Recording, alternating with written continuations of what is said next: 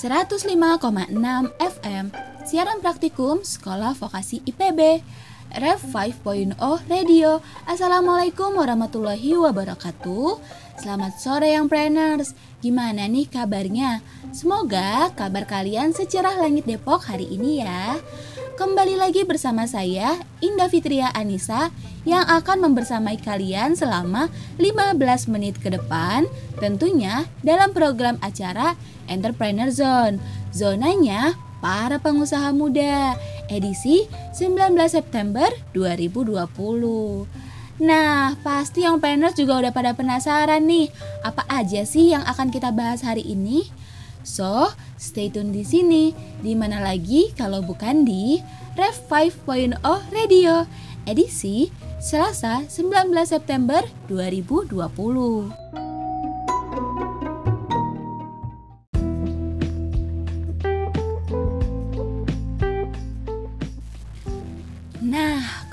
Lagi bersama saya Indah Fitria Anissa yang akan menemani kalian dalam Entrepreneur Zone. Zonanya para pengusaha muda. Di sini saya akan memberitahu informasi-informasi terkini, teraktual, dan terpercaya mengenai dunia bisnis yang sedang happening saat ini serta lagu-lagu yang keren abis yang tentunya akan membawa semangat kalian dalam berbisnis. Nah, pasti yang planners sudah pada penasaran kan? Ada berita terupdate apa hari ini? Langsung aja, untuk pembukaannya saya akan memutarkan lagu penuh semangat dari Ran dengan judul Hari Baru. Tetap stay tune di 105,6 FM Siaran Praktikum Sekolah Vokasi IPB.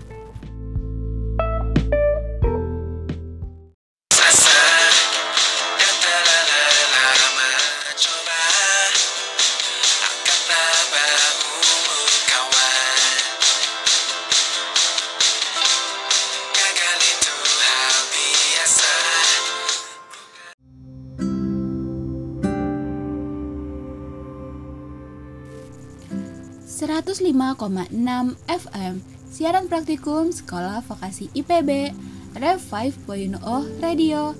Yang planners Kembali lagi bersama saya Indah tentunya dalam program Entrepreneur Zone. Zonanya para pengusaha muda. Nah gimana nih? Lagu Dairan bikin kalian semangat banget kan ya? Jadi membuat semangat berbisnis kalian lebih menggebu-gebu Apa pun tantangan serta rintangan yang ada, kita harus tetap semangat di tengah masa pandemi COVID-19. Nah, Young Planners, saya ada informasi pembuka yang menarik yang berasal dari berita terupdate tentang perekonomian masa kini. Nah, Young Planners tahu nggak sih bahwa cadangan devisa Indonesia masih meningkat meski ekonomi ada di tengah pandemi COVID-19. Bank Indonesia mencatat posisi cadangan devisa Indonesia pada akhir Agustus sebesar 137,0 miliar dolar AS. Dikutip dari Kompas, Direktur Eksekutif Kepala Departemen Komunikasi Oni Wijanarko mengatakan posisi ini meningkat dibandingkan dengan posisi akhir Juli yaitu sebesar 137,5,1 miliar dolar Amerika Serikat. Posisi cadangan devisa tersebut setara dengan pembiayaan 19,4 bulan impor atau 9,0 bulan impor dan pembayaran hutang luar negeri pemerintah serta berada di atas standar kecukupan internasional yaitu sekitar 3 bulan impor. Nah, dilansir dari Kompas, Oni menyampaikan bahwa Bank Indonesia menilai cadangan devisa tersebut mampu mendukung ketahanan sektor eksternal serta menjaga stabilitas makroekonomi dan sistem keuangan peningkatan cadangan devisa pada akhir bulan Agustus antara lain dipengaruhi oleh penarikan pinjaman luar negeri pemerintah serta penerimaan pajak dan devisa migas. Ke depannya, Bank Indonesia memandang cadangan devisa tetap memadai, didukung oleh stabilitas dan prospek ekonomi yang terjaga. seiring dengan berbagai respon kebijakan dalam mendorong pemulihan ekonomi. Nah, sebelumnya Menteri Keuangan Sri Mulyani sudah memproyeksi bahwa hingga akhir tahun pertumbuhan ekonomi berada di kisaran minus 1,1 persen hingga tumbuh positif sebesar 0,2 persen. Sri Mulyani mengatakan juga bahwa pertumbuhan ekonomi pada kuartal 3 mendatang akan cenderung masuk ke skenario batas bawah. Dengan demikian, perekonomian Indonesia akan masuk definisi resesi secara teknis, yaitu perekonomian negatif dalam dua kuartal berturut-turut. Wah, pada kuartal 2 tahun lalu, pertumbuhan ekonomi Indonesia terkontraksi cukup dalam, yakni minus 5,32 persen. Nah, maka dari itu nih yang planners, kita harus tetap menyiapkan berbagai strategi untuk menghadapi pertumbuhan ekonomi saat-saat masa pandemi seperti ini.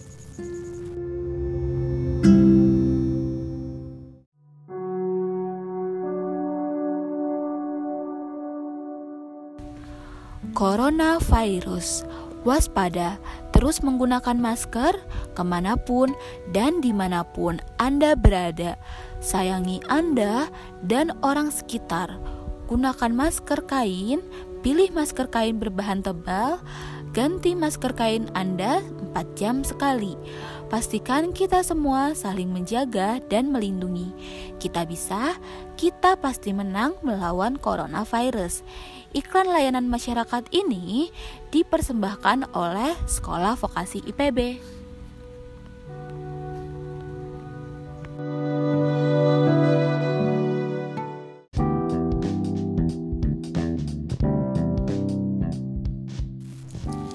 ...105,6 FM Siaran praktikum Sekolah Vokasi IPB Rev 5.0 Radio. Kembali lagi bersama saya Indah pastinya dalam program acara Entrepreneur Zone.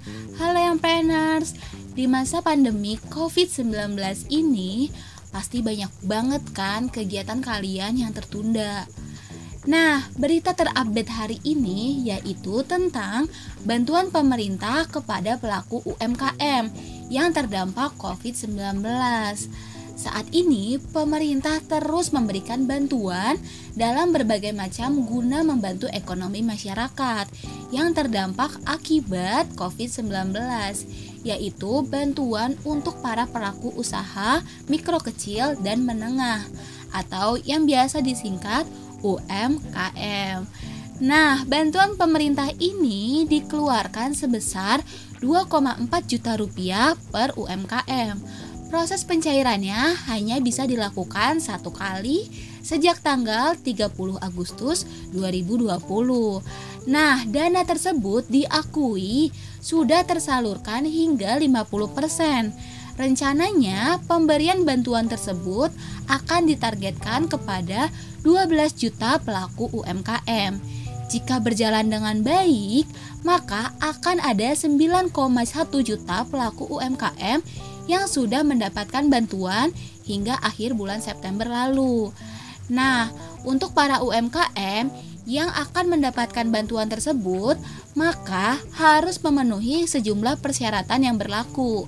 Syarat yang diberlakukan oleh pemerintah antara lain merupakan pelaku usaha mikro yang sedang tidak menerima kredit modal kerja dan investasi dari perbankan. Selain itu, pelaku usaha merupakan warga negara Indonesia. Nah, yang ini harus jelas dong kalau warga Indonesia. Selain itu, para UMKM ini harus mempunyai nomor induk kependudukan. Para pelaku UMKM juga harus mempunyai usaha mikro yang dibuktikan dengan surat usulan dari pengusul. Nah, persyaratan selanjutnya adalah bukan anggota ASN bukan anggota TNI atau Polri, serta bukan pegawai BUMN atau BUMD. Selain itu, Kementerian Koperasi dan UKM telah merilis elektronik form untuk melakukan pendataan terhadap pelaku UMKM terdampak COVID-19.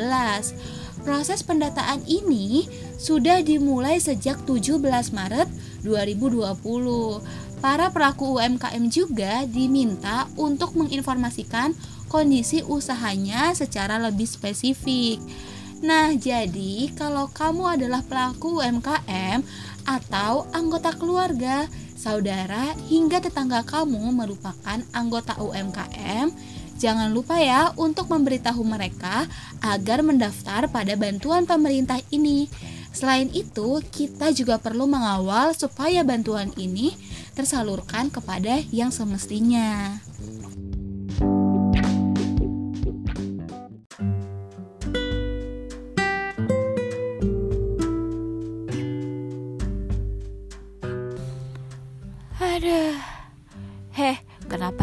Loh? Iya nih, pandemi harus belajar online. Otak buntu, dompet pun kosong. Haha, yaelah, masih aja hari gini dompet kosong. Loh, emang dompet lo gak kosong bro? Gak dong, karena meskipun di rumah aja, gue tetap bisa berjualan pulsa, paket data, token listrik dengan aplikasi Vlog. Ah, tapi untungnya receh banget tuh. Nah, justru karena aplikasi Flop, dompet gue nggak kosong terus deh. Hah, seriusan tuh? Iya, mantep banget kan? Sekarang mending lo langsung download Flop sekarang juga. Jadi nggak mesti khawatir deh dompet kosong. Download sekarang Flop di App Store Anda. Hai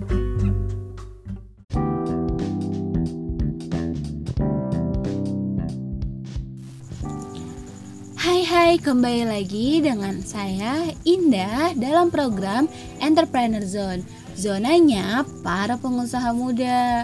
Uhu, nggak kerasa ya, udah 15 menit saya menemani sore kalian sambil berbincang-bincang tentang up to date perekonomian masa kini.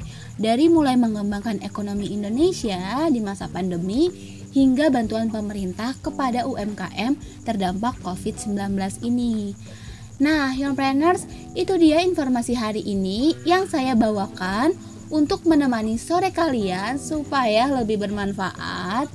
Nah, buat kalian yang mau makan malam, selamat makan.